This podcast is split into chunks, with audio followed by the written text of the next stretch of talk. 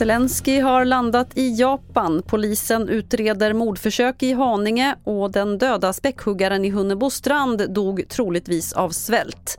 Ja, TV4-nyheterna börjar med att Ukrainas president Volodymyr Zelensky har landat i Japan nu för att vara med på G7-mötet i Hiroshima.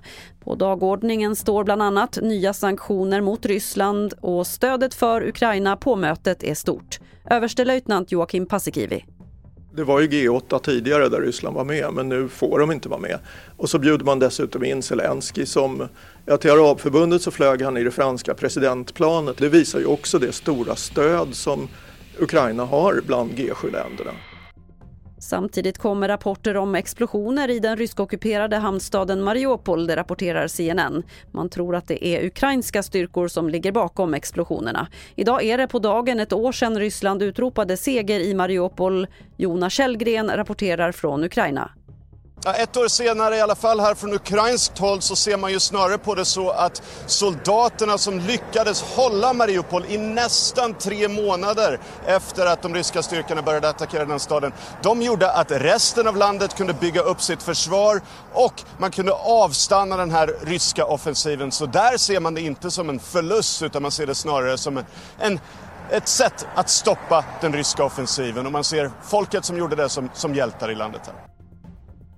Här hemma utreder polisen ett misstänkt mordförsök i Brandbergen i Haninge kommun efter att en ung man blivit attackerad i natt. Hans skador beskrivs som livshotande och enligt polisen är det en kniv som har använts. Ingen misstänkt är gripen.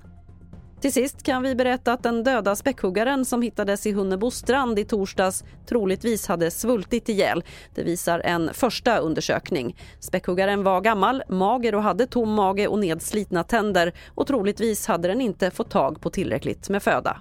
Fler nyheter finns på tv4.se. Jag heter Lotta Wall.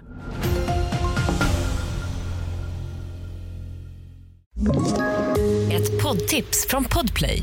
I fallen jag aldrig glömmer djupdyker Hasse Aro i arbetet bakom några av Sveriges mest uppseendeväckande brottsutredningar. Går vi in med hemlig telefonavlyssning och, och då upplever vi att vi får en total förändring av hans beteende. Vad är det som händer nu? Vem är det som läcker?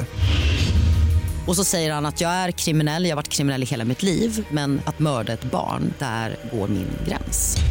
Nya säsongen av Fallen jag aldrig glömmer på Podplay.